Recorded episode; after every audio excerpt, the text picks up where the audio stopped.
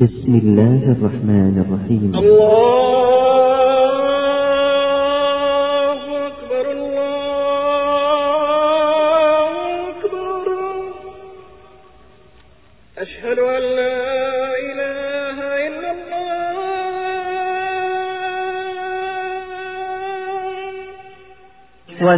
والسابقون الأولون من المهاجرين والأنصار والذين اتبعوهم بإحسان رضي الله عنهم رضي الله عنهم ورضوا عنه وأعد لهم جنات جنات تجري تحتها الأنهار خالدين فيها أبدا.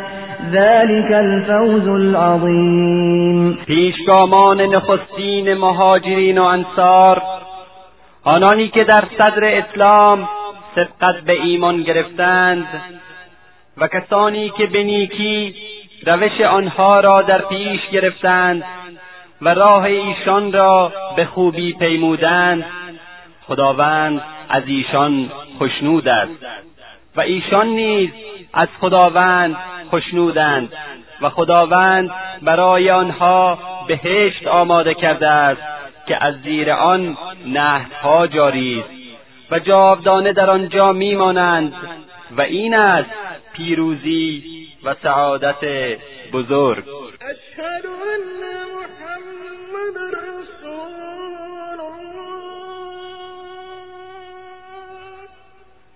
زندگانی و صفات صدیق اکبر حضرت ابوبکر رضی الله تعالی عنه.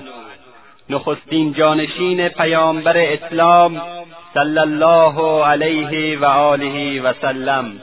محمد رسول الله والذين معه أشداء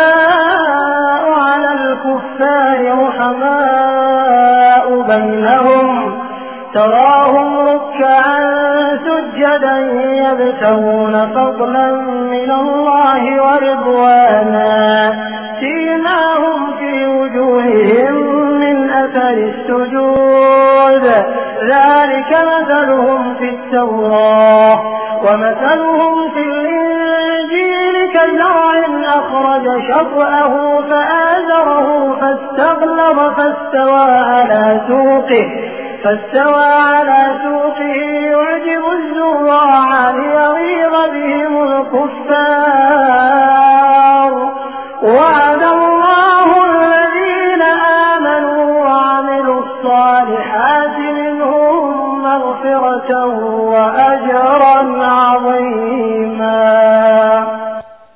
سپاس و ستایش خدای را عز وجل که قرآن کریم را کتاب هدایت برای بشریت فرستاد.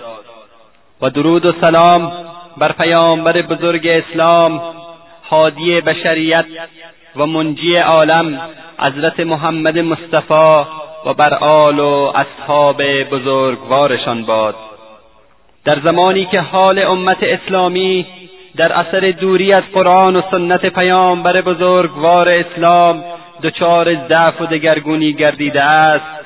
بیایید صفحاتی چند از زندگانی بزرگ مردان مکتب توحید و شاگردان مخلص مکتب رسالت را ورق بزنیم و با بیان صفات والا و اخلاق نیکوی آنها از ایشان بیاموزیم. از ایشان بیاموزیم درس ایمان و فداکاری را. درس مقاومت و پایمردی را و درس شهامت و دلیری را. زیرا آنها نسل تعلیم یافته قرآن و یاران مخلص بزرگترین الگوی بشریت حضرت محمد مصطفی صلی الله علیه و آله و سلم بودند. در این سلسله می‌خواهیم گذری کوتاه بر زندگی عشره مبشره آن عده از اصحاب کرام پیامبر بزرگوار اسلام صلی الله علیه و آله و سلم که رسول خدا به آنها وعده بهشت دادن بنماییم. و چه زیباست که از حضرت صدیق اکبر رضی الله تعالی عنه اولین خلیفه رسول الله صلی الله علیه و آله و سلم آغاز نماییم. صدیق عکس حسن کمال محمد است. فاروق ذل جاه و جلال محمد است. عثمان زیاه شمع جمال محمد است. حیدر بهار باغ خصال محمد است. اسلام ما اطاعت یاران احمد است. ایمان ما محبت آل محمد است. ابوبکر صدیق رضی الله تعالی عنه به اتفاق همه تواریخ اسلامی و بیگانه نخستین خلیفه رسول الله صلی الله علیه و آله و سلم بودند. اسم ایشان عبدالله و کنیهشان ابوبکر می باشد. حضرت ابوبکر صدیق رضی الله تعالی عنه از قبیله قریش بودند. نسبشان به مره با پیامبر صلی الله علیه و آله و سلم یکی می شود. مره جد ششم رسول خدا صلی الله علیه و آله و سلم و جد پنجم حضرت ابوبکر صدیق رضی الله تعالی عنه می باشد.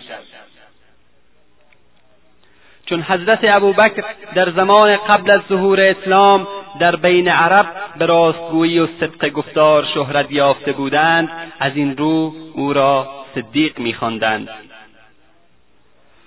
و چون روزی بعد از ظهور اسلام به حضور حضرت رسول الله صلی الله علیه و آله و سلم مشرف گردید و آن حضرت فرمودند انت عتیق الله من النار یعنی تو از آتش جهنم در امان و اهل بهشتی از آن روز مشهور به عتیق نیز گردیدند.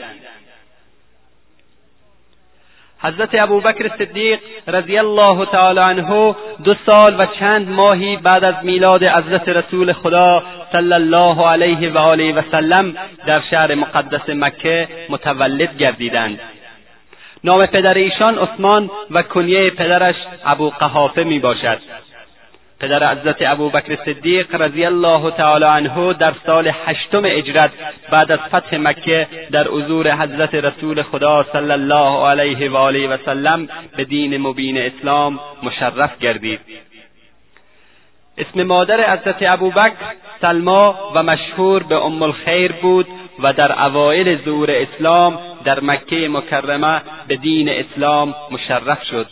و در خانه ابن ابی ارقم که در نزدیکی کوه صفا و در آن ایام محل اجتماعات مسلمین بود به حضور حضرت پیامبر اسلام صلی الله علیه و آله و سلم شرفیاب و با آن حضرت برای انجام وظایف و تکالیف دین اسلام بیعت نمود. حضرت ابوبکر صدیق رضی الله تعالی عنه قبل از ظهور اسلام در مکه به تجارت اشتغال داشتند. و سرمایه بالغ بر چل هزار درهم که در آن روزگار ثروت مهمی بود به دست آورده بودند که بعد از اسلام در راه نشر و تبلیغ دین مبین اسلام و رفاه حال مسلمین بی بزاعت مصروف نمودند. و در شب هجرت که افتخار امسفری با رسول خدا صلی الله علیه و آله و سلم را داشتند پنج هزار درهم از آن مبلغ که باقی مانده بود و شاید مخصوصا برای امچو وقتی نگه داشته بودند را برای رفع احتیاجات احتمالی این سفر با خود برداشتند. حضرت ابوبکر صدیق رضی الله تعالی عنه بردگانی را که به سبب مسلمان شدن در خانه های اشراف قریش مورد شکنجه و آزار قرار گرفته بودند را خریده و آزاد می‌کردند. که یکی از این بردگان بلال حبشی رضی الله تعالی عنه معزن رسول خدا صلی الله علیه و آله و سلم می باشد پیامبر بزرگوار اسلام حضرت محمد صلی الله علیه و آله و سلم فرمودند هرگز هیچ مالی مانند مال ابوبکر به من نفع نرسانده. حضرت ابوبکر صدیق رضی الله تعالی عنه با شنیدن این فرمایش از فرط خوشحالی به گریه افتاده عرض می کنند همانا من و مالم جز برای تو نیست ای رسول خدا. حضرت ابوبکر صدیق رضی الله تعالی عنه از سادات و سروران قریش و دارای اخلاق کریمه و عفاف و پرهیزگاری بودند. این سرور دانا و معقر عرب دریافته بود که اثرات زیان بخش شراب ابدا با کیان و کرامت انسان سازگار نیست. لذا شراب را بر خود تحریم نموده و هرگز ننوشید. چه قبل از اسلام و چه بعد از اسلام حضرت صدیق اکبر مردی نیکوکار و غریب دوست و مهمان نواز بود. پس جای تعجب نیست که چرا از آوان جوانی قبل از اینکه رسول الله صلی الله علیه و آله و سلم به رسالت مبعوث شوند با آن حضرت که در این صفات ستوده در حد علا و در اکمال درجات بودند رفیق صمیمی بوده است. حضرت ابوبکر صدیق رضی الله تعالی عنه به صحت رفتار و صدق گفتار پیامبر صلی الله علیه و آله و سلم در طول سالهای رفاقت پی برده بود. به همین دلیل از جمله مردان بزرگ اولین کسی بود که به بعثت رسول خدا صلی الله علیه و آله و سلم ایمان آورد. زیرا می‌دانست که آن حضرت در دعوت خود راستگو و صادق می‌باشند. بیایید چکیده ای از فضایل این صحابی جلیل القدر را برشماریم.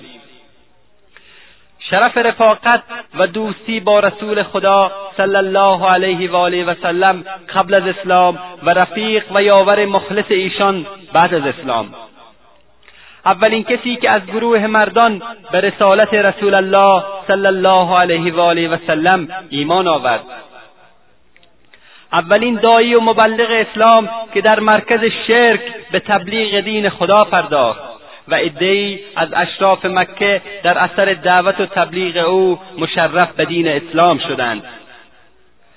حضرت ابوبکر صدیق رضی الله تعالی عنه اولین پرچمدار و اولین مبلغ دین اسلام بودند. زیرا قبل از ایمان ایشان اسلام منحصر به خانه رسول الله صلی الله علیه و آله و سلم بود. بدین ترتیب دین اسلام به وسیله ابوبکر صدیق از خانه رسول الله به خارج راه یافت. حضرت ابوبکر صدیق رضی الله تعالی عنها تنها کسی است که در سفر تاریخی اجرت افتخار مصاحبت و همراهی با رسول خدا صلی الله علیه و آله و سلم را داشت. حضرت ابوبکر صدیق تنها کسی است که در تاریخ اسلام عنوان خلیفه رسول الله را به خود گرفته و مردم او را خلیفت رسول الله میخواندند. و بعد از ایشان به دیگر خلفا امیرالمؤمنین خطاب می‌کردند. حضرت ابوبکر صدیق رضی الله تعالی عنها از خانواده شریف و رفی بودند. زیرا رسول خدا صلی الله علیه و آله و سلم دخترش عایشه صدیقه عفیفه را به امسری اختیار نمودند.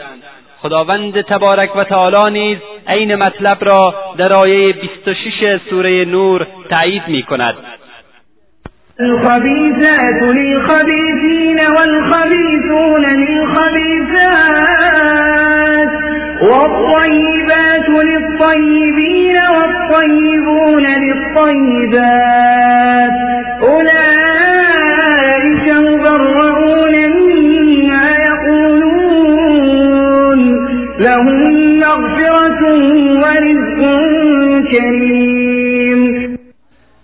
زنان ناپاک از آن مردان ناپاکند و مردان ناپاک از آن زنان ناپاکند و زنان پاک متعلق به مردان پاکند و مردان پاک متعلق به زنان پاکند.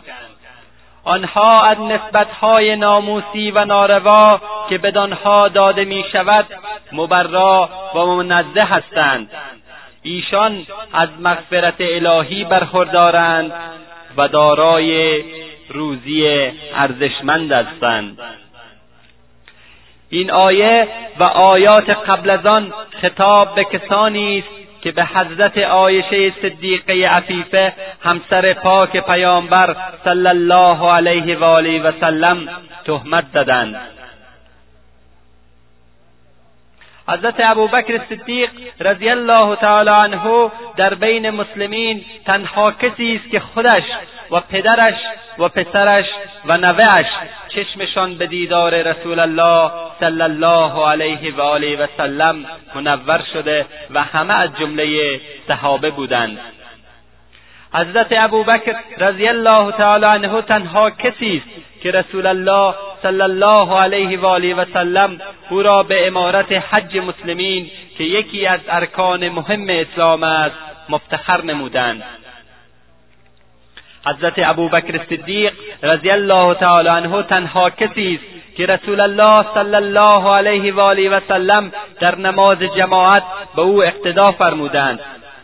در کتب سیرت و احادیث صحیحه روایت شده که چون رسول خدا صلی الله علیه و آله و سلم بیمار و در خانه بستری شدند حضرت ابوبکر صدیق رضی الله تعالی عنه به دستور پیامبر صلی الله علیه و آله و سلم نیابتا امامت نماز جماعت مسلمین را به عهده گرفتند. و صبح روز دوشنبه که آخرین روز حیات رسول خدا صلی الله علیه و آله و سلم بود ابوبکر صدیق در محراب رسول الله صلی الله علیه و آله و سلم ایستاده امام جماعت بودند که حضرت رسول خدا صلی الله علیه و آله و سلم در حالی که سر مبارکشان را با دستمالی بسته بودند به مسجد تشریف فرما شدند. مسلمین با دیدن رسول خدا صلی الله علیه و آله و سلم به حدی خوشحال شدند که در محوطه مسجد اثر می کند و حضرت ابوبکر صدیق رضی الله تعالی عنه چون متوجه می شوند که آن حضرت به مسجد داخل گردیده اند می‌خواهد از محراب خارج شود. ولی پیامبر خدا صلی الله علیه و آله و سلم به روی شانه ابوبکر رضی الله تعالی عنه دست مبارکشان را نهاده میفرمایند در جایت باش و نماز بخوان برای مردم. و آن حضرت صلی الله علیه و آله و سلم به ابوبکر صدیق رضی الله تعالی عنه اقتدا نموده در جنب راست ایشان می نشینند و در حال نشستن نماز فریزه خود را با جماعت می خوانند اگر برای حضرت ابوبکر صدیق رضی الله تعالی عنه فرزن هیچ گونه فضیلتی نبود همین افتخار و فضیلت بس است که اشرف مخلوقات و خاتم نبیین صلی الله علیه و آله و سلم در نماز به او اقتدا نمودند. حقا که در طول تاریخ بشریت کسی به این افتخار نائل نگردیده است فضایل حضرت ابوبکر صدیق رضی الله تعالی عنه بسی بیشتر از این هاست که برادران و خواهران مسلمان می توانند به کتب سیرت و احادیث مراجعه نمایند. اکنون مروری می نماییم به لحظات حساس و سرنوشت ساز از زندگی حضرت صدیق اکبر رضی الله تعالی عنه. رسول خدا حضرت محمد مصطفی صلی الله علیه و آله و سلم در حالی به دیدار پروردگارش شتاب که هنوز اسلام در برابر اقیانوس بیکران جاهلیت با عقاید شرکی اخلاق حیوانی و رفتارهای وحشیانه و جوامع فاسد و حکومتهای ظالم و بیدادگر همچون جزیره کوچک بود. عربها تازه به اسلام گراییده بودند و در زندگی جاهلی پیشین خود به وحدت و انسجام و تسلیم شدن در برابر یک نظام خوی نگرفته بودند. بنابراین رحلت رسول خدا صلی الله علیه و آله و سلم در چنین موقعیتی از حساسترین و سرنوشتسازترین لحظات تاریخ اسلام و بزرگترین آزمایش برای امت اسلامی به شمار می آمد. ادیان بزرگ جهان قبل از اسلام که پیروان آنها روزی مناطق وسیعی از دنیا را در اختیار داشتند سرانجام تومه انحراف و تحریف و دستخوش توطعه های داخلی و جنگ های خارجی گردیده نابود شدند. به دلیل اینکه بعد از رحلت پیشوایان نخستین آن ادیان جانشینی و بیان مقاصد و تعالیم آنها به افرادی ضعیف سپرده شد که از اهداف و پایه های زیربنایی ادیان یاد شده شناخت دقیقی نداشتند. یا عزم و اخلاصی که برای جانشین یک پیشوا و بنیانگذار مذهب ضروری بود در آنها یافت نمی‌شد. یا اینکه از غیرت و شهامتی که برای حفظ اصالت آن ادیان و تعالیم آنها لازم بود برخوردار نبودند. یا حرس ثروت اندوزی و کسب مقام و قدرت در قلوب آنها ریشه دوانده بود. در نتیجه این ادیان و مذاهب قدرتمند در نظامها و فلسفه هایی که برای نابودی آنها به وجود آمده بود ذوب شدند یا اینکه با آنها طبق مسلحت روز به مصالحه و سازش تن دادند. آنان مذهب را به نفع حکام وقت مورد استفاده قرار دادند تا مذهب بتواند رضایت حکامی را که به آن میگرایند جلب نماید. مسلمین بعد از رحلت رسول خدا صلی الله علیه و آله و سلم با بحران بزرگی مواجه گشتند. بحرانی که راه گریزی از آن وجود نداشت و باید روزی با آن روبرو می‌شدند چنانچه خداوند میفرماید شیوه و سنت الهی نسبت به امتهای گذشته نیز چنین بوده و سنت الهی تغییر ناپذیر است. یگانه راه حل این مشکل و چیره گشتن به این بحران بزرگ که امت اسلامی با آن دست به گریبان بود جز انتخاب خلیفه و جانشینی که دارای ویژگی هایی باشد که به توفیق خدا بتواند دین را از تحریف و دست برد و امت اسلامی را از انحراف باز دارد چیز دیگری نبود. حضرت علی رضی الله تعالی عنه میفرماید در حکم خداوند و دین اسلام بر عموم مسلمین واجب است که بعد از اینکه امام و پیشوای آنها مرد یا کشته شد هیچ عملی انجام ندهند و به هیچ کاری دست نزنند و قدمی به جلو بر ندارند پیش از آن که برای خودشان پیشوایی عفیف دانشمند خداتر و آشنا به قضا و سنت انتخاب نمایند تا در بین ایشان به حکومت بپردازد. ویژگیهایی را که می‌توان برای جانشین پیامبر صلی الله علیه و آله و سلم در نظر گرفت عبارت است از در طول زندگی بعد از گرویدن به اسلام همواره مورد اعتماد رسول الله صلی الله علیه و آله و سلم بوده و شخص رسول خدا صلی الله علیه و آله و سلم در حق او گواهی دهند. و او را در اقامه بعضی از ارکان اساسی دین و انجام کارهای مهم جانشین و نماینده خود قرار داده باشند و در مراحل خطرناک و حساس که انسان جز فردی را که به او اطمینان و اعتماد کامل داشته باشد به همراهی بر نمیگزیند او را به همراهی خیش انتخاب کرده باشند. دارای روحیه قوی باشد که در برابر طوفانهای سهمگینی که اصل و روح دین را تهدید می کند و بین آن می رود که کوششهای صاحب رسالت به باد فنا برود و همچنین در برابر گردبادهای تندی که قلوب بسیاری از مؤمنین مخلص و با سابقه را به لرزه می اندازد این جانشین مانند کوه استوار و ثابت قدم باشد. و نقش جانشینان راستین انبیای راسخ را در استقامت و پایمردی ایفا نماید. تسلی بخش قلوب پیروان پیامبر بوده و دین و عقیده ناب محمدی را از هر گونه گزند حفظ نماید.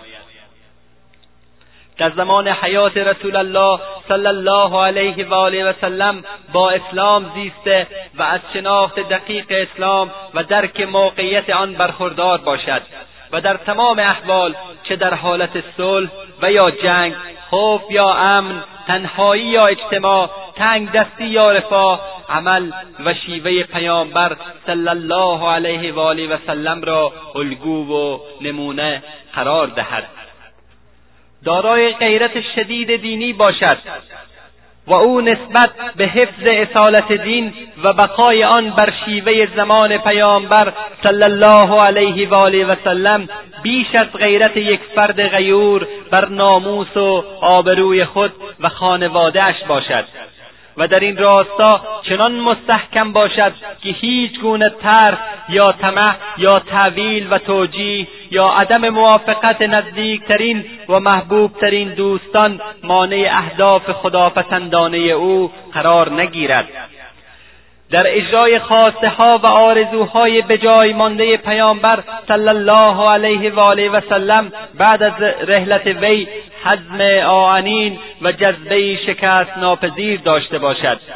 که حاضر نباشد به هیچ قیمتی یک سر موی از آن اهداف و آرزوهای بر جا مانده پیامبر صلی الله علیه و آله و سلم منحرف شوند و در این زمینه از ملامت و سرزنش نترسد.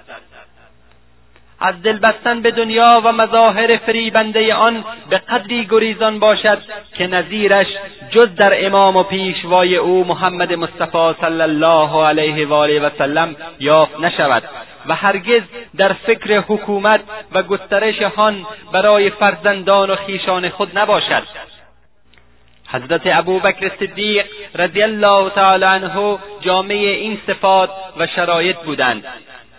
و در طول زندگی خود قبل از خلافت در زمان حیات رسول خدا صلی الله علیه و آله و سلم و بعد از خلافت تا پایان عمر این صفات را امراه داشتند و برای همگان به طور یقین و قطعی به اثبات رسیده است و جای هیچ گونه شک و انکار باقی نمانده است. اعتماد کامل رسول خدا صلی الله علیه و آله و سلم بر ابوبکر صدیق رضی الله تعالی عنه انگامی آشکار گردید که در سفر تاریخی و حساس و پرمشقت هجرت از مکه به سوی مدینه به شرف مصاحبت و همراهی رسول خدا صلی الله علیه و آله و سلم و افتخار یار غار نایل آمد. سفری که دشمن در کمین و ترس و وحشت مکه را فرا گرفته بود و از هر سو دشمنان قسم خورده آماده دستگیری و قتل ایشان بودند. مسلم است که هیچ انسان عاقلی در چنین مراحل فردی را که مورد اعتمادش نباشد و به صداقت و خلوص و جانبازی و فداکاری او اطمینان نداشته باشد هرگز به همراهی و رازداری خیش انتخاب نمی کند نویسنده معروف شیعه ابن متعر حلی نویسنده کتاب منحاج الکرامه فی معرفت الامامه می‌گوید مصاحبت ابوبکر با پیامبر در غار فضیلتی برای ابوبکر به شمار نمیآید. زیرا ممکن است پیامبر او را از ترس اینکه رازش را فاش نکند با خود همراه ساخته است آوردند وقتی مطلب بالا برای ولی نعمت ابن متحر حلی سلطان محمد خدابنده پادشاه تاتاری که این کتاب را برای وی تعلیف کرده بود نقل شد پادشاه گفت هرگز یک انسان عاقل چنین کاری را نخواهد کرد. آری اگر رسول خدا صلی الله علیه و آله و سلم از همراهی ابوبکر صدیق رضی الله تعالی عنه راضی نبودند می توانستند مشتی خاک به رویش بپاشند تا او را نبیند. همان گونه که انگام خارج شدن از منزل مشتی خاک به صورت محاصره کنندگان خانه خیش پاشیدند و خداوند بر چشمانشان پرده افکند که هو را ندیدند. در برخی از کتابهای شیعه تصریح شده است که همراهی ابوبکر با پیامبر صلی الله علیه و آله و سلم به فرمان خدا جل جلاله بوده است. به عنوان نمونه نویسنده مجالس المؤمنین می نویسد بردن ابوبکر بی فرمان خدا نبوده است. خداوند تبارک و تعالی این سفر تاریخی را به وسیله ثبت کردن در قرآن مجید برای همیشه ماندگار کرده است. آنجا که میفرماید إلا تنصروه فقد نصره الله إذ أخرجه الذين كفروا ثاني اثنين إذ هما في الغار إذ يقول لصاحبه لا تحزن إذ يقول لصاحبه لا تحزن إن الله معنا. هنگامی که کفار او یعنی پیامبر خدا صلی الله علیه و آله و سلم را از مکه اخراج کردند در حالی که او یک نفر بود از دو نفری که در غار بودند. آنگاه که به رفیقش یعنی ابوبکر صدیق رضی الله تعالی عنه گفت غم مخور امانا خدا با ماست. همانا این فضیلت ویژه شخص ابوبکر صدیق رضی الله تعالی عنه است و کسی با او شریک نیست. اما جانشینی در مورد برگزاری بعضی از ارکان اساسی دین مسلم است که نمی‌توان در ادای فریزه روزه و زکات جانشین گرفت زیرا این دو فریزه را هر فرد به صورت انفرادی انجام می‌دهد. ولی در مورد امامت نماز و سرپرستی اقامه حج می‌توان جانشین انتخاب نمود و این شرف و افتخار برای حضرت ابوبکر صدیق رضی الله تعالی عنه حاصل آمد. رسول خدا صلی الله علیه و آله و سلم او را جانشین خود در نماز گذاردن با مردم قرار داده و کسی را با او برابر ندانستند. حضرت علی رضی الله تعالی عنه ضمن خطبه طولانی که مشروع آن در کتاب شرف النبی آمده است میفرماید ابوبکر در حیات رسول الله بنابر دستور وی هفت روز نمازها را به نیابت آن حضرت اقامه می‌کرد. همچنین رسول خدا صلی الله علیه و آله و سلم ابوبکر را برای امارت و سرپرستی اقامه حج که منصبی عالی و مسئولیتی بزرگ بود جانشین خیش قرار دادند. در سال نهم هجری حج فرض شد و در این سال که موسوم به عام الوفود سال وفدها بود و از هر سو گروه های نمایندگی اعراب برای اعلام اسلام خیش به حضور پیامبر بزرگ صلی الله علیه و آله و سلم می‌رسیدند آن حضرت سرگرم پذیرایی و راهنمایی این گروه ها بودند. بنابراین سیدنا ابوبکر صدیق رضی الله تعالی عنه را جانشین خود ساختند تا اقامه حج و راهنمایی حجاج را به عهده گیرند.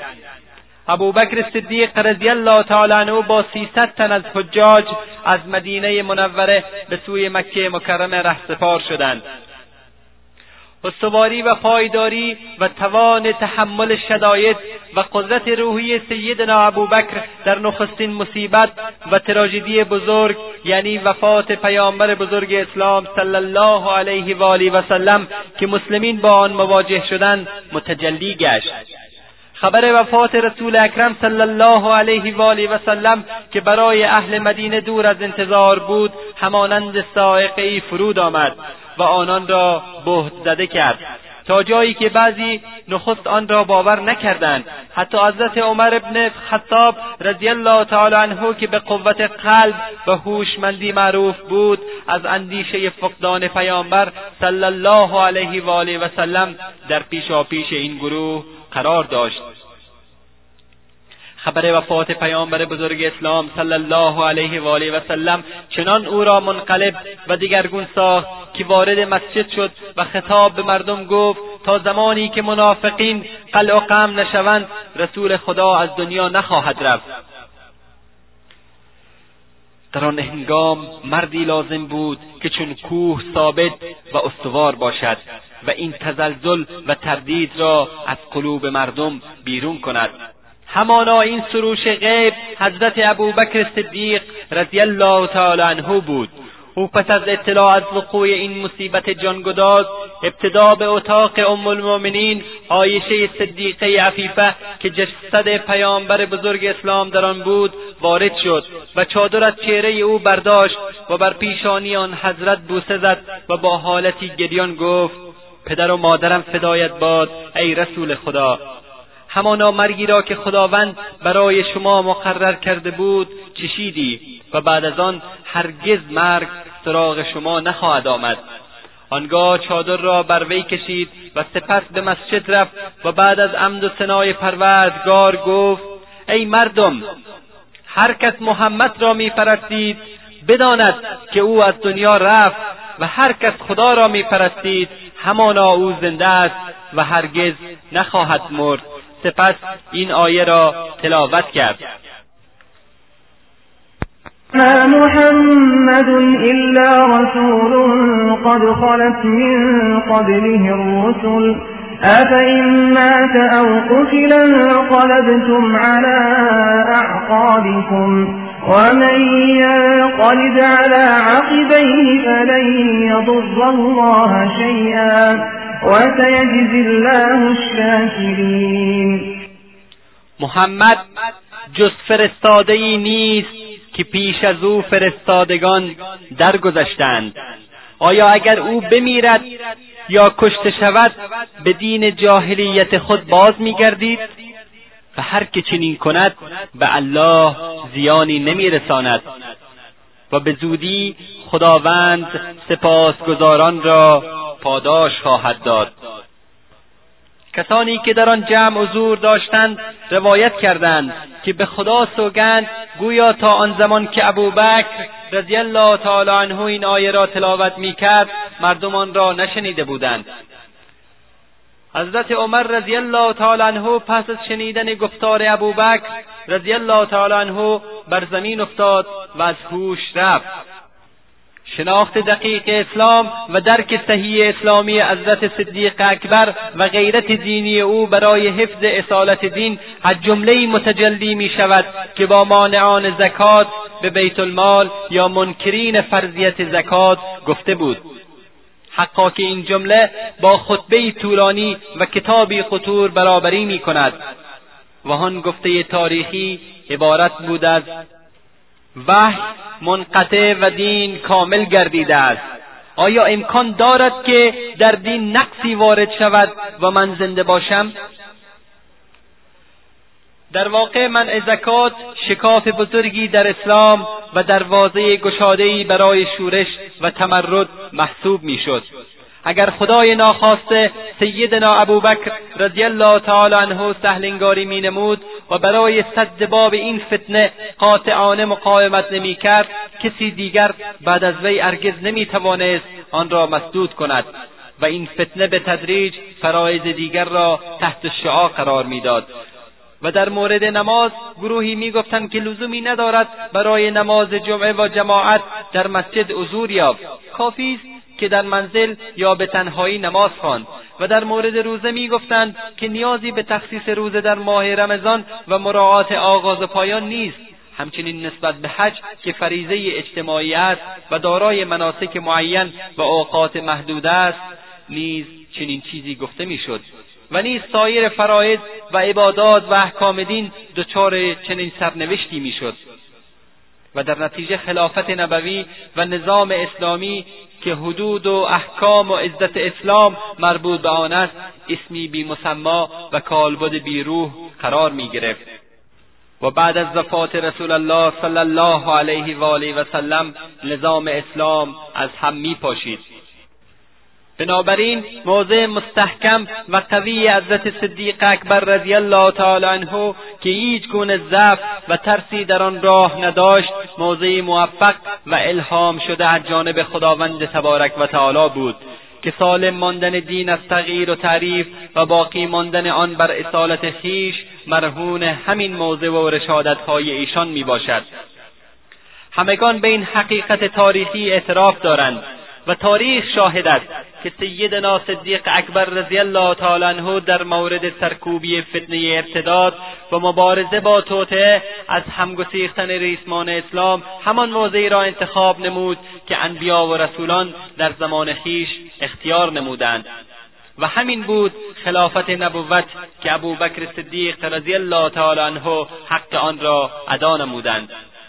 و تا قیامت تقدیر و شکر و دعای امت اسلامی و مؤمنان واقعی را به خود اختصاص دادند.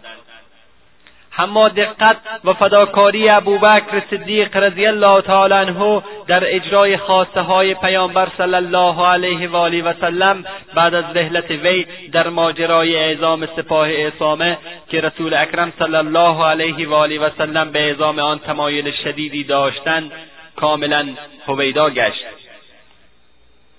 رسول الله صلی الله علیه و آله و سلم لشکری به فرماندهی اسامه بن زید رضی الله تعالی عنه فراهم نموده بودند تا به بیزانس روم شرقی اعزام فرمایند.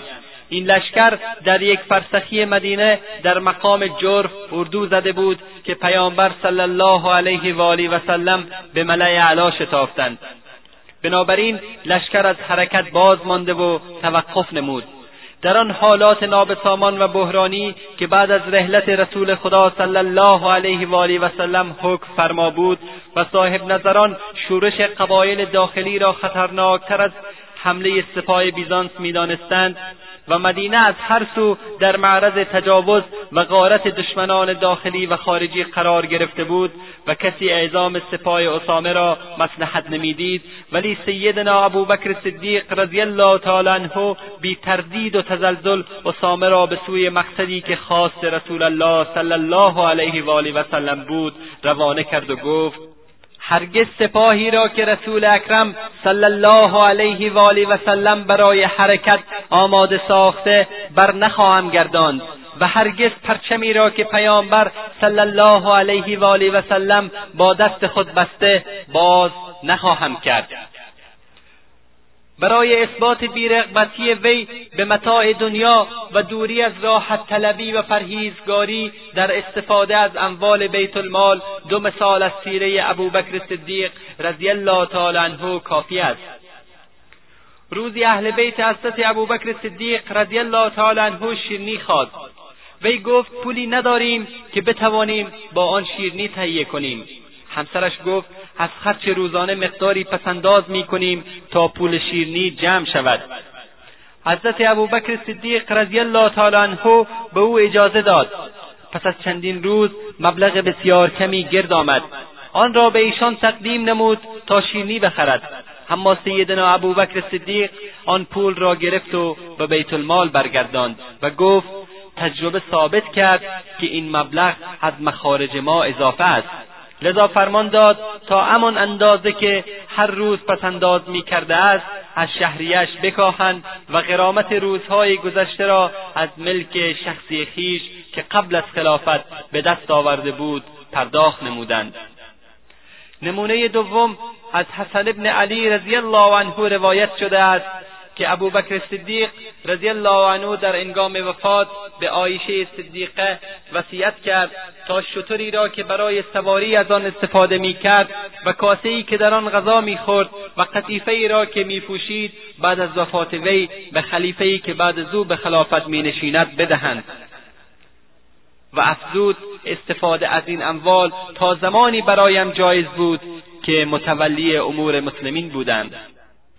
چنانچه بعد از رحلت وی آنها را به حضرت فاروق اعظم رضی الله تعالی عنه سپردند. وقتی که آنها را نزد وی بردند گریست و گفت خدا تو را رحمت کند ای ابوبکر. به مشقت انداختی کسی را که بعد از تو آمد. قبل از اسلام حکومت دنیوی و پیشوای دینی و روحانی از یک نسل به نسل دیگر در یک خاندان منتقل می‌شد و یا اینکه به کسی می‌رسید که از نظر قدرت یا سیاست و تدبیر بر دیگران چیره میگشت. بی آنکه لیاقت و شایستگی این مقام را داشته باشد یا مصلحت ملت و کشور در نظر گرفته می‌شد. تمام درآمد کشور ملک شخصی پادشاهان محسوب میگردید. چنانچه قرآن کریم در آیه سی و دو سوره توبه میفرماید علما و عابدان خود را به غیر از الله خدایان جداگانه شمردند. و در آیه سی و چهار سوره توبه میفرماید ای مؤمنان بسیاری از علما و دانشمندان عابدان و زاهدان اهل کتاب اموال مردم را به ناحق میخوردند و آنها را از راه خدا باز میدارند. اما اسلام انتخاب خلیفه و حاکم بر سرنوشت ملت را به مسلمین و اهل شورا و اهل علم و اخلاص واگذار نموده است. به همین دلیل رسول الله صلی الله علیه و آله و سلم تصریح نفرمودند که بعد از وی چه کسی جانشین وی و سرپرست امور مسلمین گردد. حضرت سیدنا علی رضی الله تعالی عنه تصریح فرمودند که پیامبر کسی را به جانشینی خود تعیین نکرده است. مسعودی مورخ معروف شیعی نقل کرده است که مردم به حضرت علی بعد از اینکه ضربت خورده بود گفتند آیا کسی را به جانشینی خود تعیین نمی کنی؟ گفت نه. همانطور که پیامبر خدا آنها را به خودشان واگذاشت من نیز به خودشان وامیگذارم. همچنین ایشان در نامه ششم نهج البلاغه خلافت و رهبری را بر اساس شورا و انتخاب مردم می‌دانند و میفرمایند همانا کسانی با من بیعت نمودند که با ابابکر و عمر و عثمان با همان شرایط بیعت کردند. پس هان که در بیعت حضور داشت نمی‌تواند خلیفه دیگر انتخاب کند. و هان کس که غایب بود نمی‌تواند بیعت مردم را نپذیرد. همانا شورای مسلمین هزان مهاجران و انصار است. پس اگر بر امامت کسی گرد آمدند و او را امام خواندند خوشنودی خدا هم در آن است. پیامبر اسلام صلی الله علیه و آله و سلم صریحا نمی‌توانست کسی را معین کند. زیرا ختم نبوت شده بود و از تعیین یکی احتمال داشت باز مقام اختصاصی برای او پیدا گردد. اگر تعیین جانشین جزء فرایز دینی بود و تصریح کردن آن لازم بود حتما رسول الله صلی الله علیه و آله و سلم به آن عمل میفرمودند. زیرا خداوند تبارک و تعالی میفرماید يا أيها الرسول بلغ ما أنزل إليك من ربك وإن لم تفعل فما بلغت رسالته. والله يعصمك من الناس. ای فرستاده ما آنچه از جانب پروردگارت به تو فرود آمده به مردم ابلاغ کن و اگر چنین نکردی رسالت او را نرسانده ای. و خداوند تو را از شر مردم حفظ می کند و نیز میفرماید الذين يبلغون رسالات الله ويخشونه ولا يخشون احدا الا الله وكفى بالله حسيبا. این است سنت الهی که در پیامبران پیشین نیز جاری بوده است و فرمان خداوند روی حساب و برنامه دقیقی است. و باید به مرحله اجرا درآید. پیامبران پیشین کسانی بودند که تبلیغ رسالتهای الهی می‌کردند و تنها از او میترسیدند و از هیچ کس جز خداوند واهمهای نداشتند. و همین بس است که خداوند حسابگر اعمال آنهاست. در صحیح بخاری به روایت عبیدالله ابن عبدالله ابن عتبه از ابن عباس آمده که پیامبر صلی الله علیه و آله و سلم پیش از وفات خود در حالی که جمعی نزد وی حضور داشتند فرمودند بیایید برای شما نوشته ای بنویسم که بعد از آن گمراه نشوید. عدهای گفتند پیامبر اکنون ناراحت و درد شدیدی را تحمل می کند و ضمنا قرآن نزد شما موجود است و کتاب خدا برای ما کافی است. و بعضی دیگر به آوردن قلم و کاغذ اصرار داشتند. چون حاضران با هم اختلاف نظر داشتند پیامبر صلی الله علیه و آله و سلم فرمودند برخیزید. رسول خدا بعد از این جریان سه روز در قید حیات بودند و در همان روز و روزهای بعد دستورات و سفارشهایی به مسلمین صادر نمودند. ولی راجع به جانشینی خیش سخنی به میان نیاوردند. از جمله دستورات و سفارشهای وی در مورد نماز و زیر دستان بود. نیز از جمله گفته های وی این بود که خداوند یهود و نصارا را نابود کند که قبرهای انبیای خود را سجدگاه قرار دادند. و در سرزمین عرب دو دین باقی نخواهد ماند. این گفته که عمر فاروق رضی الله تعالی عنه مانع شد تا پیامبر صلی الله علیه و آله و سلم به جانشینی حضرت علی رضی الله تعالی عنه وصیت خود را بنویسد گفته دروغ و بی اساس است. از دیدگاه اهل سنت حقیقت این است که رسول خدا صلی الله علیه و آله و سلم کاغذ را به این خاطر نخواسته بود که خلافت علی یا کسی دیگری را وصیت کند. زیرا وصیت برای جانشینی نیازی بیش از یک کلمه یا یک اشاره نداشت. کافی بود اشارهای داشته باشد. مانند اشارهای که برای ابوبکر داشت در مقدم ساختن او برای نماز که مسلمین مقصود او را درک کردند. علاوه بر این پیامبر صلی الله علیه و آله و سلم بعد از این جریان چند روز در قید حیات بودند. ولی دوباره خواسته خود را تکرار ننمودند و برای ملاقات علی با پیامبر صلی الله علیه و آله و سلم هیچ گونه مانعی وجود نداشت. و فاطمه زهرا رضی الله تعالی عنها همسر حضرت علی رضی الله تعالی عنه تا آخرین لحظه در کنار پیامبر صلی الله علیه و آله و سلم بودند. اگر چنین اراده ای داشتند حضرت علی رضی الله تعالی عنه را می‌خواستند و با او معاهده می‌کردند. گذشته از این سکوت که هیچ گونه اجبار و اکراهی به همراه نداشت اگر به شیوه پیامبر در تعیین عمرا و والیان امور نظری بیفکنیم می‌بینیم که ایشان همواره خاندان خود را از پذیرفتن مسئولیتها و ولایت امور بر حذر داشته است. و از اجرای قانون وراست در حق انبیا من فرموده است. پس با توجه به این شیوه و این سکوت نمی‌توان گفت که منظور پیامبر صلی الله علیه و آله و سلم سراحت نمودن به امر خلافت در حق حضرت علی رضی الله تعالی عنه بوده است. ولی از اجرای مقصود وی جلوگیری به عمل آمده است.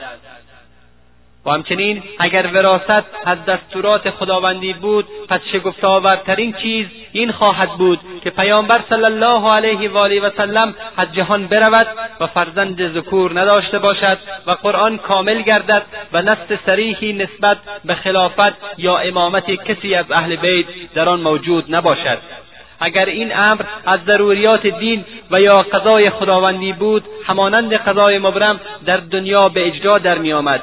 و در برابر آن خلافت هر فرد دیگری به ناکامی می انجامید همان گونه که هر کوششی که مخالف قانون فطرت و قضای الهی باشد به ناکامی می انجامد پس بنابراین نه نص سریح و نه دلالت اوضاع و حوادث و نه اراده الهی هیچ کدام گفته مدعیان امامت و اجرای وراست در خلافت و منحصر داشتن خلافت در خاندان آشمی را تایید نمی کند داستان قرطاس در کتابهای حدیث به طرق متعدد و متضاد ذکر شده است.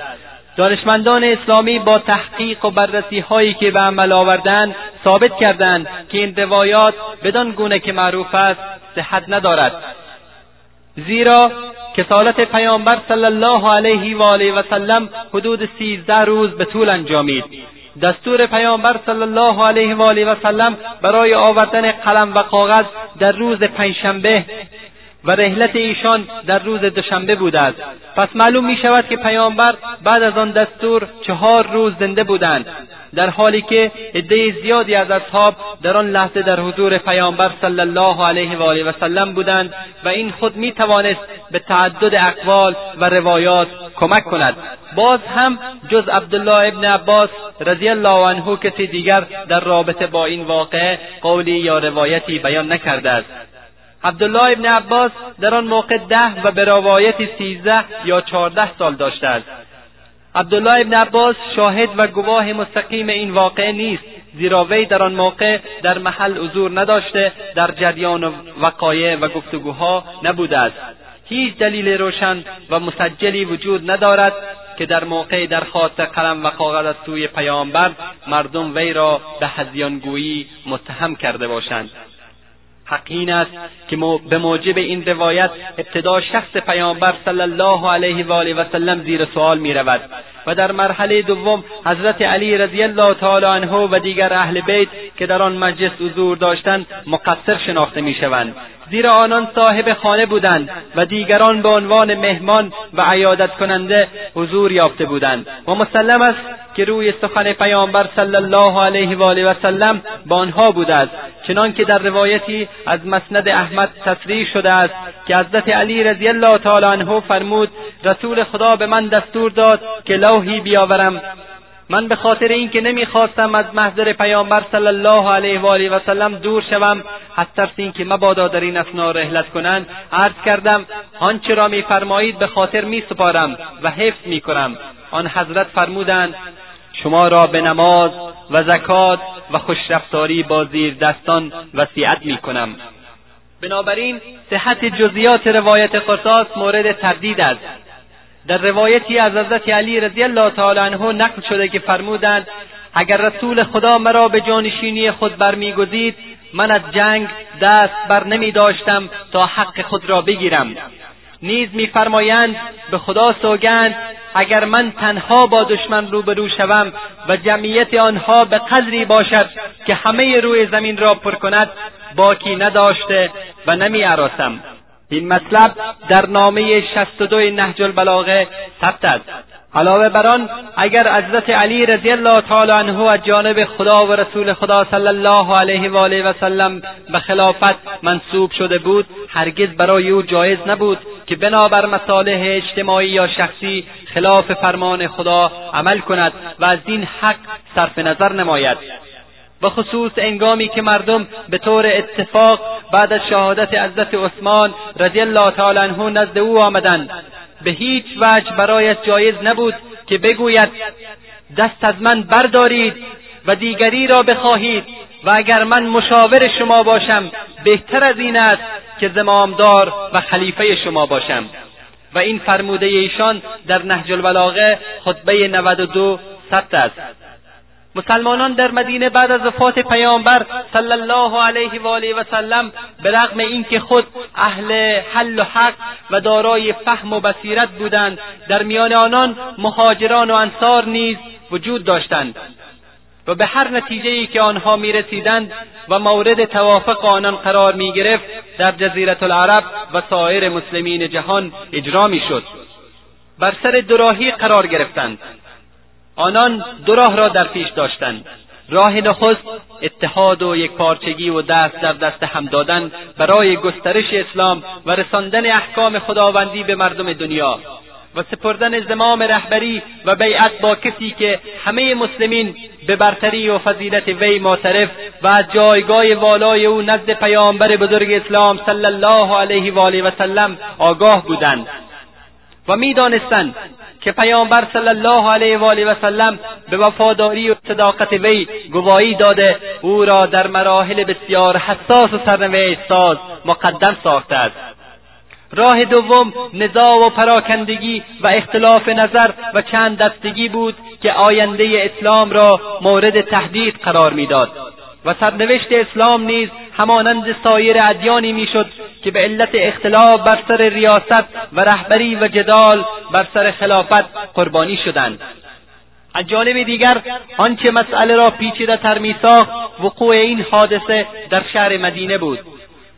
شهری که مسکن دو تیره بزرگ از قبیله قحطان یعنی اوس و خزرج انصار بودند. و آنها کسانی بودند که رسول الله صلی الله علیه و آله و سلم و مسلمین را در شهر خود جای دادند. و از هر گونه همکاری فداکاری محبت و ایثار دریغ نورزیدند. و قرآن به فضل آنها گواهی داده است. بنابراین هیچ بعید نبود که برای خود حقی در خلافت پیامبر صلی الله علیه و آله و سلم که از مکه همراه با یاران و عشیره خود اجرت نموده و به دیار آنها آمده بودند قائل باشند و یا خود را از دیگران سزاوارتر بدانند. این امر خلاف حقل و منطق و غیر طبیعی نبود. اما در میان آنان دو قبیله بزرگ و رقیب دیرینه حوس و خزرج وجود داشت که هیچ یک در برابر دیگری کوتاه نمی آمد از طرف دیگر قبایل عرب جز در برابر قریش در برابر قبیله دیگر سر تسلیم فرود نمی آوردند.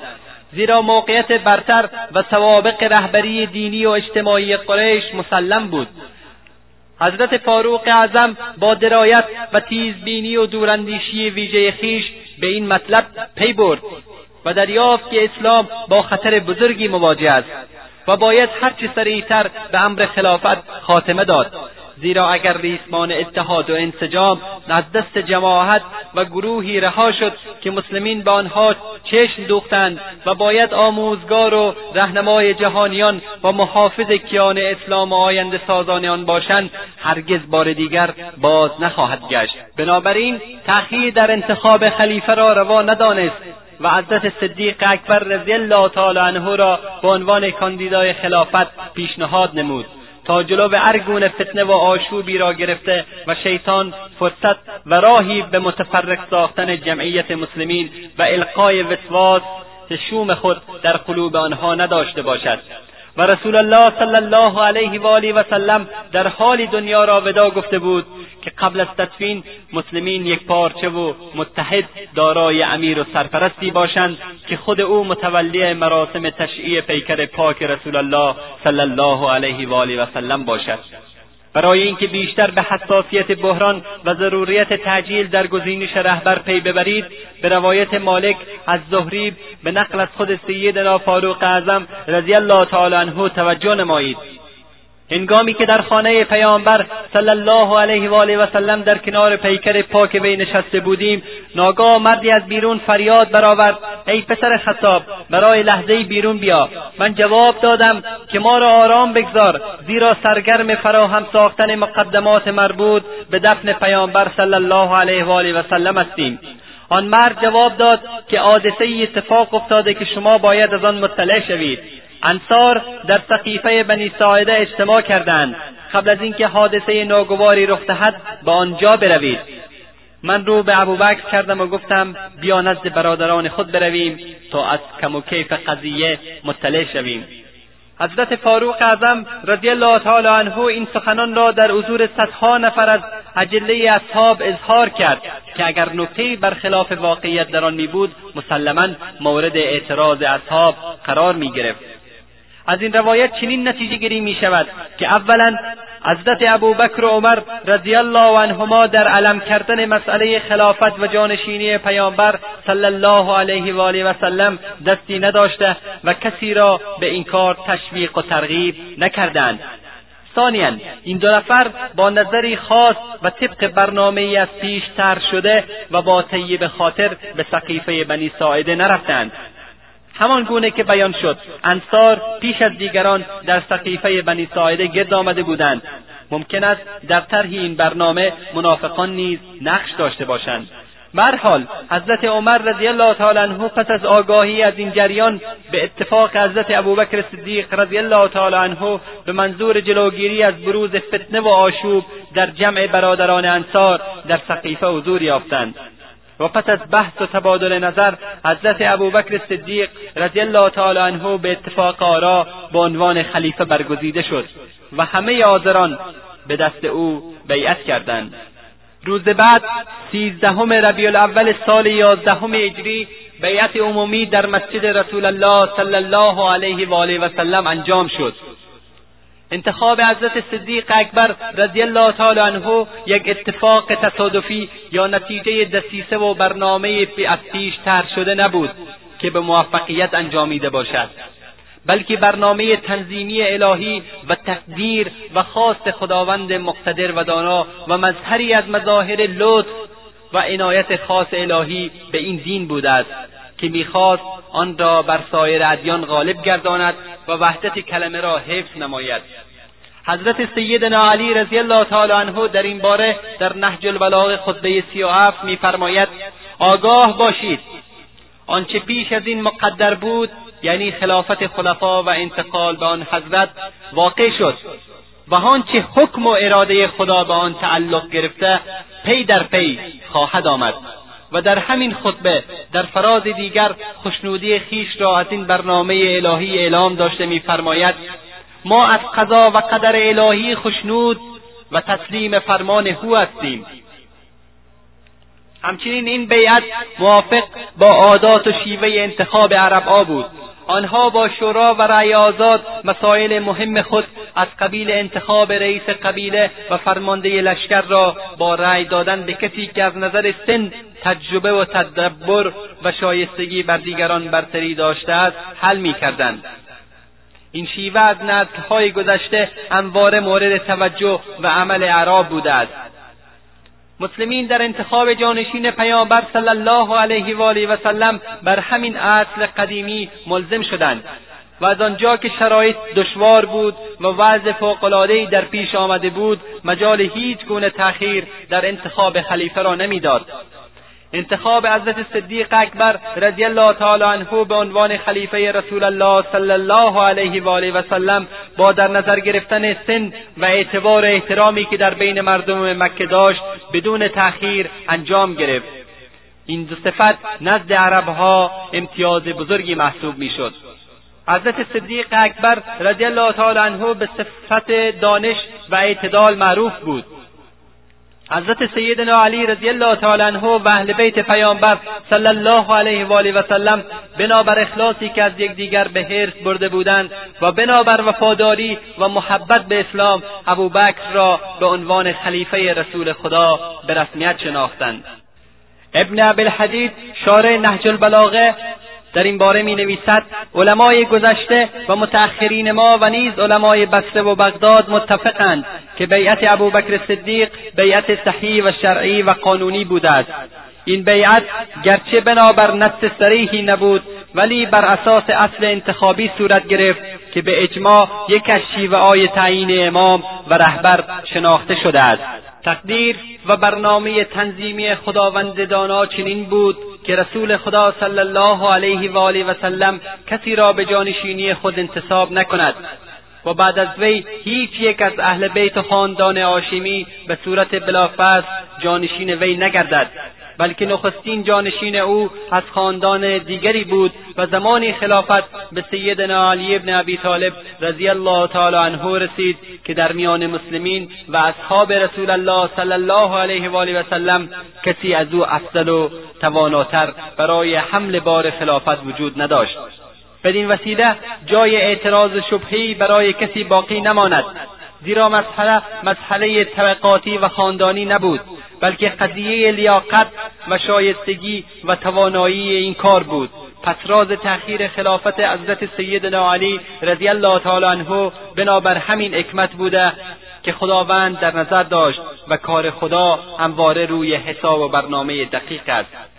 و اگر آنطور که مدعیان امامت قائلند که حضرت علی رضی الله تعالی عنه به نص قرآن و فرموده پیامبر صلی الله علیه و آله و سلم خلیفه و امام و جانشین تعیین شده اند. بیندیشیم پس چرا حضرت علی در هیچ جا این نص فرمان را ذکر نمی کند؟ بر این عقیده هستیم که حضرت علی رضی الله تعالی عنه این صحابی جلیل و قهرمان بزرگ اسلام نه از کسی میترسید و نه مسلحت اندیش بود. و حاضر نبود که نافرمانی خدا و رسولش را مرتکب شود و از حق خدادادی خود بگذرد. مدعیان امامت برای ساختن پاسخی به این ایراد می‌گویند حضرت محمد صلی الله علیه و آله و سلم وقتی به علی دستور الهی را ابلاغ فرمود در ضمن اضافه کرد که یا علی اگر با تو ناسازگاری کردند و تو را نپذیرفتند سکوت کن. اگر این توجیه آنها را بپذیریم به همراهش باید این را نیز باور کنیم که برای اولین و آخرین بار خداوند تبارک و تعالی حکمی صادر کرد و تنفیذ آن را مشروط به پذیرش مردم نمودند. و الا تا آنجا که ما می‌دانیم در هیچ دستور الهی پذیرش مردم شرط اجرای آن از طرف مؤمنان نیست. و مسلمانان موظفند چه مردم قبول کنند یا نکنند حکم الله را در روی کره زمین به مرحله اجرا درآورند. ولو آنکه همه مردم دنیا یک طرف باشند و مسلمانان در طرف دیگر. ولو آنکه جنگها شود و خونها بر زمین بریزد. حتی یک موردم در تاریخ نیست که مؤمنان حکم الله را تنها به این دلیل که مردم نپذیرفتند معلق بگذارند. و اگر این حرف مدعیان امامت را بپذیریم به همراهش باید باور کنیم. یک استثناء در سنت الهی پدید آمده است برای توجیه سکوت به چه دلایلی که نیاویختند؟ علت این دور شدن از جاده منطق این است که آنها این مسئله که حق علی خورده شده است را محور قرار دادند و موضوعی غیر قابل بحث قرار دادند. لذا دیگر پروای این را ندارند که برای آراستن آن حتی نظام خلقت را نیز زیر سوال ببرند. اگر کسی به دقت تاریخ را مطالعه کند تاریخی که عالمان امامت هم قبولش دارند با تعجب در مییابد که دعوایی در بین اهل بیت عمر و ابوبکر و اهل بیت علی وجود نداشته است. بیایید به موضوع ازدواج در بین این دو فامیل نظری بیاندازیم.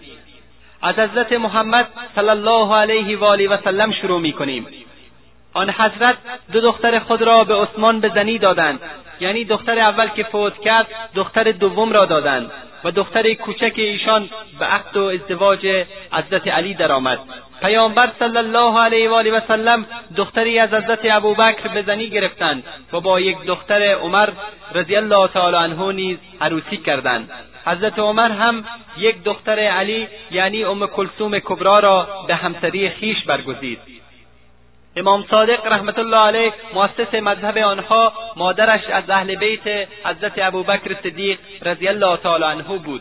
جریان به این صورت رخ داد که امام سجاد یعنی نوه حضرت علی وقتی پسرش باقر بزرگ شد رفت خانه عبدالرحمن نوه ابوبکر.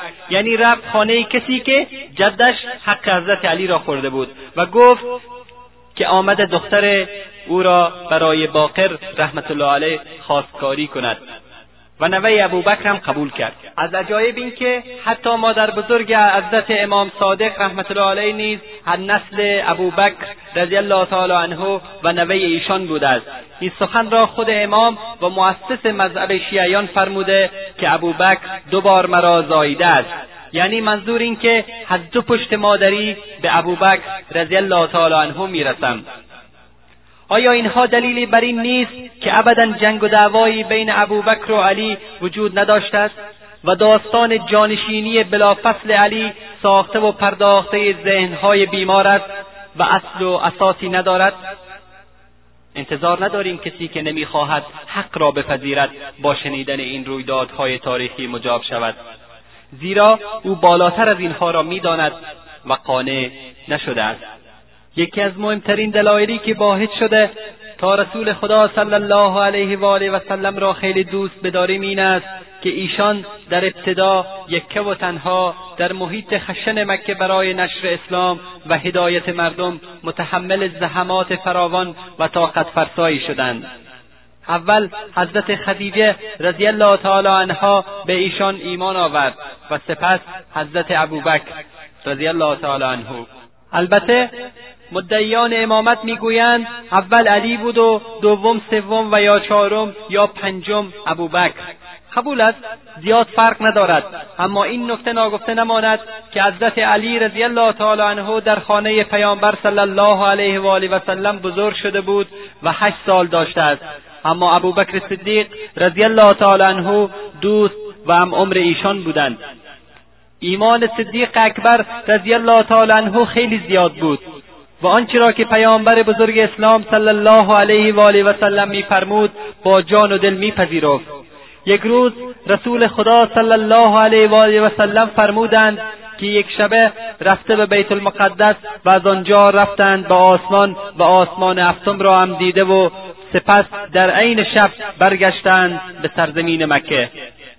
ابو جهل به توسر این حرف را برای ابوبکر رضی الله تعالی عنه تعریف می کند او می‌گوید آیا محمد این را گفته؟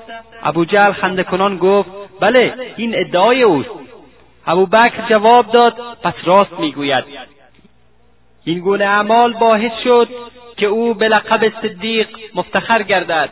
از جمله کارهای آن حضرت که نشان دهنده خلوص و محبت و ارادت وی نسبت به آخرین فرستاده خدا صلی الله علیه و آله و سلم بود تزویج دختر نه ساله خیش به حضرت محمد صلی الله علیه و آله و سلم که آن زمان پنجاه ساله بودند.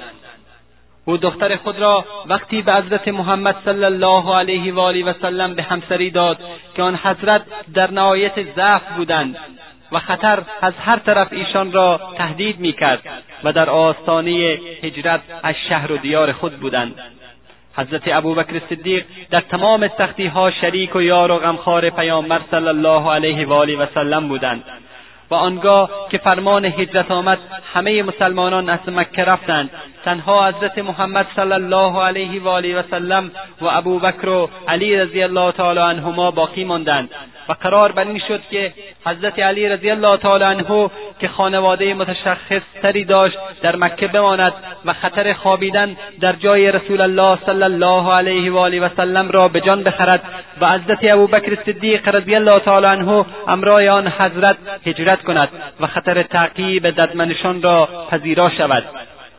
از جمله اعمال مهمی که حضرت صدیق اکبر رضی الله تعالی عنه در عهد خلافت خیش انجام دادند نخست جمع کردن قرآن مجید بود که بعد از شهادت عدهای از حافظان قرآن در جهاد علیه مرتدان حضرت ابوبکر صدیق رضی الله تعالی عنه به مشوره و اصرار حضرت فاروق اعظم عمر رضی الله تعالی عنه امر به جمع قرآن و تدوین آن در یک مصحف نمودند. که این وظیفه را حضرت زید بن ثابت با همکاری اصحاب رسول الله صلی الله علیه و آله و سلم و کاتبان وحی که حضرت زید رضی الله عنه نیز از آن جمله و حافظان قرآن کریم بودند در ظرف دو سال به پایه تکمیل رساندند. تجهیز و اعزام سپاه اسامه رضی الله تعالی عنه و شکست دادن سپاه مغرور روم. جنگ با قبایل مشرک و قبایل سرکش و آشوبگر و فتنه و مرتدان و جهاد با نومسلمانان مانعین زکات و اعاده نظام و امنیت در سراسر خاک عرب و تحکیم مبانی دولت اسلام و جمع نمودن همه قبایل عرب در زیر پرچم توحید. حمله به خاک عراق و استیلا بر قسمت زیادی از آن در اندک زمانی و اشاعه دین خدا در آن ناحیه.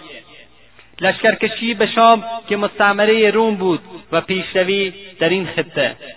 حقا که ابوبکر صدیق رضی الله تعالی عنه بعد از رسول خدا صلی الله علیه و آله و سلم یکی از رجال عظیم تاریخی جهان بشریت می باشند.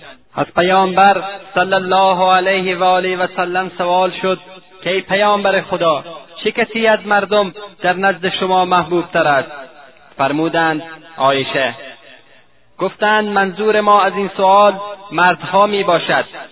فرمودند پدرش یعنی پدر عایشه. و پیامبر صلی الله علیه و آله و سلم میفرمودند هیچ دستی به اندازه دست ابوبکر برای ما پربرکت و سودمند نبوده است. خداوند در روز قیامت به عوض ما پاداش و جزای او را می‌دهد و این حدیث با حدیث دیگر از احادیث پیغمبر صلی الله علیه و آله و سلم تفسیر می شود که فرمودند هیچ کس از لحاظ امدستی و یاری دادن و غمخواری در نزد ما به اندازه ابوبکر بزرگ و با عظمت نیست. با من غمخواری نمود با جان و مالش و دخترش را به نکاح من درآورد. و عمر ابن خطاب رضی الله تعالی عنه می‌گوید ابوبکر در نزد رسول الله صلی الله علیه و آله و سلم از همه ما بهتر و بزرگوارتر و محبوبتر بود. این حقیقتی است که اگر بر زبان آورده نشود زبان حال آن را تایید می کند حضرت صدیق اکبر بیشتر از هر کس ملازم و همنشین پیامبر صلی الله علیه و آله و سلم بود. و از همه دیگران بیشتر به اسرار و رازهای درونی و ظاهر حال او آگاه بود. و نزدیکترین فرد مورد اعتماد پیامبر صلی الله علیه و آله و سلم در مشورتهای آن حضرت در بسیاری از مواقع تدابیر لازم را در مصلحت و شعون مسلمانان در نزد او بیان میفرمودند و با او مشورت می‌کردند و به رأی او هم ترتیب اثر می‌دادند. پس هرگاه بگویند که چه شخصی در نزد پیامبر محبوبتر از همه بود باید گفت که این شخص بیگمان صدیق اکبر رضی الله تعالی عنه می باشد چون این گونه محبوبیت در قلب و روانهای بزرگ همراه با اعتماد و اطمینانی است که هیچگاه نمی‌تواند از او جدا شود. و کسی که شایستگی این نوع محبت را پیدا کرده باشد مسلما محل وسوق و اطمینان طرف می باشد و محبوبیت ابوبکر رضی الله تعالی عنه در نزد پیامبر صلی الله علیه و آله و سلم مانند محبوبیت شخصی نبود که بخواهد با این محبت و دوستی جبران خوبی های او را نسبت به خود کرده باشد. بلکه محبوبیت صدیق اکبر صرفا به خاطر فضیلت و کفایت و اقتدار او در معاونت و ایثارش نسبت به رسول الله صلی الله علیه و آله و سلم در راه دین بود. و این فضیلت و کفایت در وجود هر انسانی نمی‌تواند وجود داشته باشد.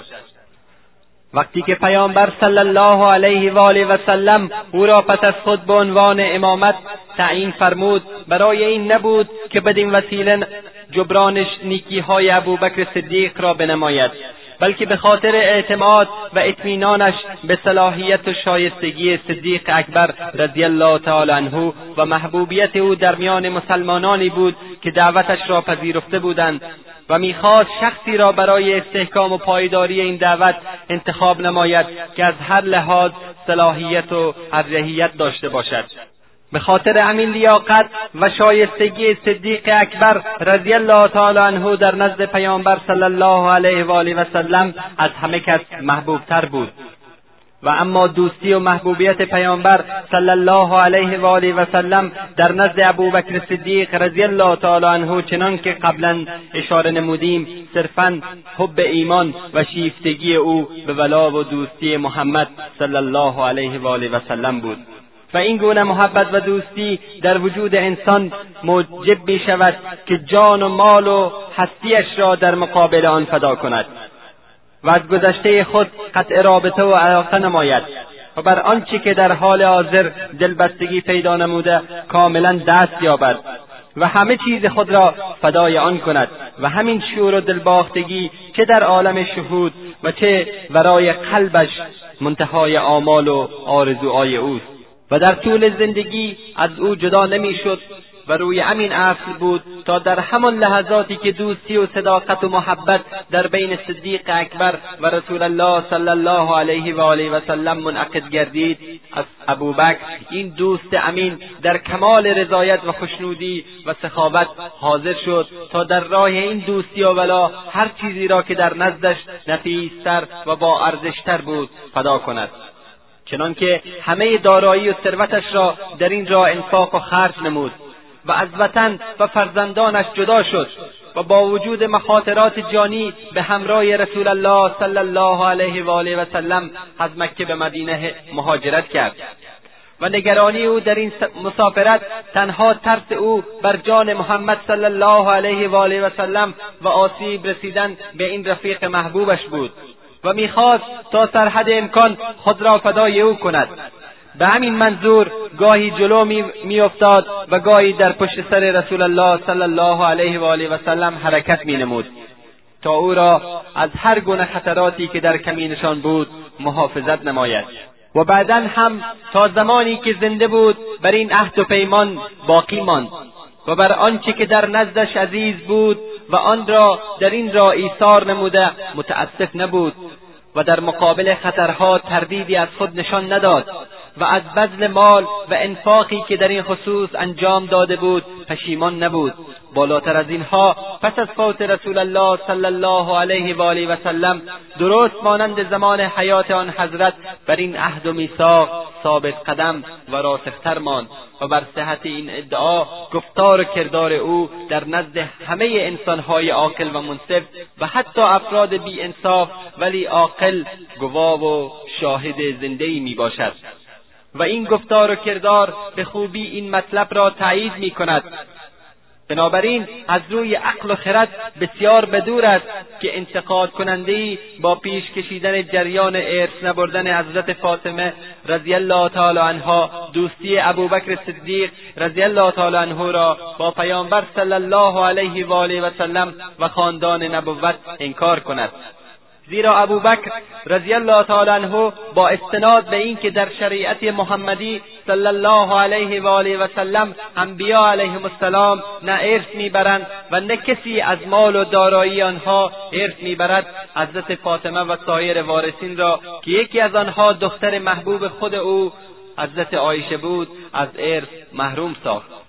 ابوبکر رضی الله تعالی عنه نسبت به وارثین پیامبر و میراث او هیچ گونه بخل و حسادتی نداشت و دلیل محروم نمودن وارثین پیامبر صلی الله علیه و آله و سلم صرفا به خاطر اطاعت و سیانت و محافظت احکام اسلامی و اجرای وصیت‌های رسول الله صلی الله علیه و آله و سلم بود. چه سیانت و محافظت احکام دین و اجرای وصیت پیامبر صلی الله علیه و آله و سلم در نزد ابوبکر رضی الله تعالی عنه مهمتر از رابطه فرزندی و مسئله مادیات بود. و او انواره برای اجرای احکام به صورت درست و مطابق با قوانین اسلام حریص و متعهد بود. جالب است که از مدعیان قصد حق حضرت علی و حضرت فاطمه بپرسیم که اگر حضرت ابوبکر حق حضرت فاطمه را به او نداد پس چرا حضرت علی در زمان خلافت خود آن را به خود و فرزندان حضرت فاطمه برنگرداند؟ بیایید از خدا بترسید و دروغ نگویید که فاطمه و علی رضی الله عنهما از این دروغ پردازی ها بیزارند. و همچنین نباید گفته شود که ابوبکر صدیق رضی الله عنه حضرت علی رضی الله عنه را از حق خلافت محروم گردانید. زیرا ابوبکر صدیق توانایی آن را نداشت که وصیت رسول خدا صلی الله علیه و آله و سلم را نادیده بگیرد و آن را انجام ندهد. و اینکه بعضی از اشخاص می‌گویند که ابوبکر رضی الله تعالی عنه و طرفدارانش بعضی از وصایا و سفارشهای پیامبر صلی الله علیه و آله و سلم را کتمان نمودند سخنی است ناروا و بیاساس. زیرا حضرت فاطمه رضی الله عنها در انگام بیماری پیامبر صلی الله علیه و آله و سلم غایب نبودند و مرتبا بر بالین او حضور داشتند و از او مراقبت مینمودند. و حضرت علی رضی الله عنه هم کسی نبود که در اقامه دعوا و استدلال به آیه و حدیث ناتوان و درمانده باشد. و چنانچه مطابق آیات و احادیثی خلافت را حق مسلم خود می‌دانست بیگمان برای احقاق حق به همان آیات و احادیث استدلال مینمود و در استیفای حق خود میکوشید. و اگر خلافت حق خاندان نبوت و یا مهاجر و انصار می بود ابوبکر صدیق رضی الله تعالی عنه از کجا می توانست که این حق را از آنها سلب نموده و بدون حجت و برهانی خود به طور غاصبانه صاحب آن بشود؟ و اگر قدرت و توانایی هم می داشت باز مرتکب این چنین خلافی نمی‌شد. زیرا ابوبکر صدیق رضی الله عنه نه اهل خدعه و نیرنگ بود و نه آدمی صفاک و خونریز. و اصولا خود این موضوع یعنی همین خصوصیات دلیلی بر استحقاق و شایستگی او برای ولایت و سرپرستی مسلمانان بود. و اینکه حضرت ابوبکر صدیق رضی الله تعالی عنه توانیست که پس از احراز مقام خلافت فتنه و آشوب و شورشهای برانگیخته شده از نایه مشرکین و مرتدین را مهار و سرکوب و قلع و قم نماید و در تثبیت دین اسلام قدرت و پایداری را از خود نشان دهد. دلیل دیگری بر لیاقت و شایستگی او در اداره امور مسلمانان است. و اما تأخیر حضرت علی رضی الله تعالی عنه در مسئله بیعت با ابوبکر صدیق رضی الله تعالی عنه در مدت چند ماه و یا چند روز و یا چند ساعت بنابر اختلافات روایات و بالاخره هر چند مدت که طول کشیده باشد مورد هیچ گونه ایرادی نیست.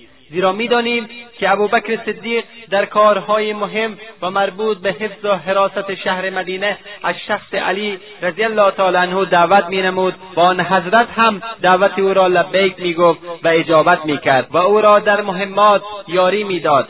و اگر این سخن که ابوبکر علی را از حقش محروم نموده درست باشد و آیات و احادیث مربوط به این موضوع را پنهان کرده باشد پس چگونه علی رضی الله تعالی عنه حاضر می شود تا به بیعت و رفاقت ابوبکر و همچنین کسی که بعد از او به خلافت رسید یعنی فاروق اعظم رضی الله تعالی عنه تن در دهد؟ و چنانچه سعی شود تا در موضوع تأخیر حضرت علی رضی الله تعالی عنه در بیعت نمودنش با ابوبکر صدیق سخنان ناروایی مطرح گردد یک نوع ادعای بی اساس است و جای هیچ گونه تاسفی هم نیست زیرا کسی که به موقعیت آن عصر و خطراتی که اسلام را تهدید می‌کرد آگاهی داشته باشد می‌داند که واقعیت غیر از آن ادعای بی اساس است.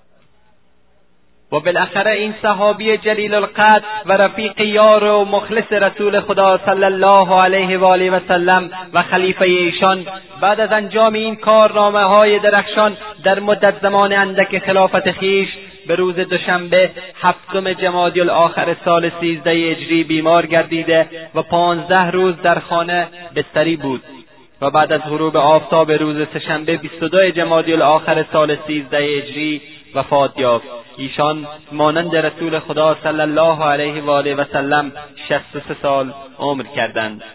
اهل مدینه با شنیدن خبر وفاتش به اندوهی سخت فرو رفته و گریان گردیدند. و همین که خبر وفاتش به سیدنا علی رضی الله تعالی عنه رسید فورا به خانه ابوبکر رضی الله تعالی عنه شتافت و فرمود انا لله و انا الیه راجعون. انقطعت خلافت النبوه یعنی اما ما مخلوق خداییم و به سوی او باز میگردیم. اکنون خلافتی که پس از نبوت به وجود آمد منقطع شد. حضرت ابوبکر صدیق رضی الله تعالی عنه هنگامی که مسلمان شدند سی سال عمر داشتند و پس از آن بیست و شیش سال در اسلام به سر بردند و مدت خلافتشان دو سال و سه ماه و دو روز بود. در همان شب وفاتش بر طبق وصیت خود ابوبکر صدیق رضی الله تعالی عنه همسرش اسما بنت حمیس با کمک پسرشان عبدالرحمن او را غسل دادند و سپس او را پس از تکفین بر روی سریر مخصوص ام المؤمنین حضرت عایشه صدیقه رضی الله تعالی عنه که رسول خدا صلی الله علیه و آله و سلم در حیات خود در اجره عایشه صدیقه بر روی آن میخوابیدند قرار دادند. و حضرت عمر رضی الله تعالی عنه امام جماعت مسلمین شده نماز میت بر او خواندند. و پس از آن حضرت عمر و حضرت طلعه و حضرت عثمان و حضرت عبدالرحمن ابن ابوبکر رضی الله عنهم در قبرش که بر طبق وصیتش در اجره ام المؤمنین عایشه صدیقه عفیفه رضی الله عنها در جوار قبر رسول الله صلی الله علیه و آله و سلم حفر کرده بودند داخل شده و ایشان را به طوری که سرشان محاذی شانه رسول خدا صلی الله علیه و آله و سلم قرار گیرد دفن نمودند. آخرین کلامی که ابوبکر صدیق رضی الله عنه در عین نظر به زبان آورد این جمله بود که پروردگارم مرا به مسلمانی از دنیا بگیر و مرا به بندگان درست کارت ملحق بفرمام. پروردگارا از تو عاجزانه می‌خواهیم که دلهای ما را با نور ایمان منور گردانی و محبت خود و پیامبر و تمام خاندان و صحابه جانبازش را در قلبمان جایگزین نمایی. خدایا تو اولیا و دوستانت را به شدت دوست میداری و ما را به دوستی با آنها سفارش کرده ای و فرموده ای که اگر کسی با آنان دشمنی و کینه داشته باشد تو با آنها اعلان جنگ می‌کنی. پس خدایا همه مسلمین را از دشمنی با یاران جانباز پیامبرت نجات بده و در قلب هیچ مسلمانی نسبت به آن ستارگان درخشان آسمان هدایت کینه و عداوت قرار مده که ما انسانهای ناتوان تحمل عذاب تو را نداریم. خدایا اجابت بفرما. من المؤمنين رجال صدقوا ما عاهدوا الله عليه. فمنهم من قضى نحبه ومنهم من ينتظر. وما بدلوا تبدیلا لطفا توجه داشته باشید که مدت این نوار 90 دقیقه بوده و ثبت و نشر آن برای مسلمانان مجاز می باشد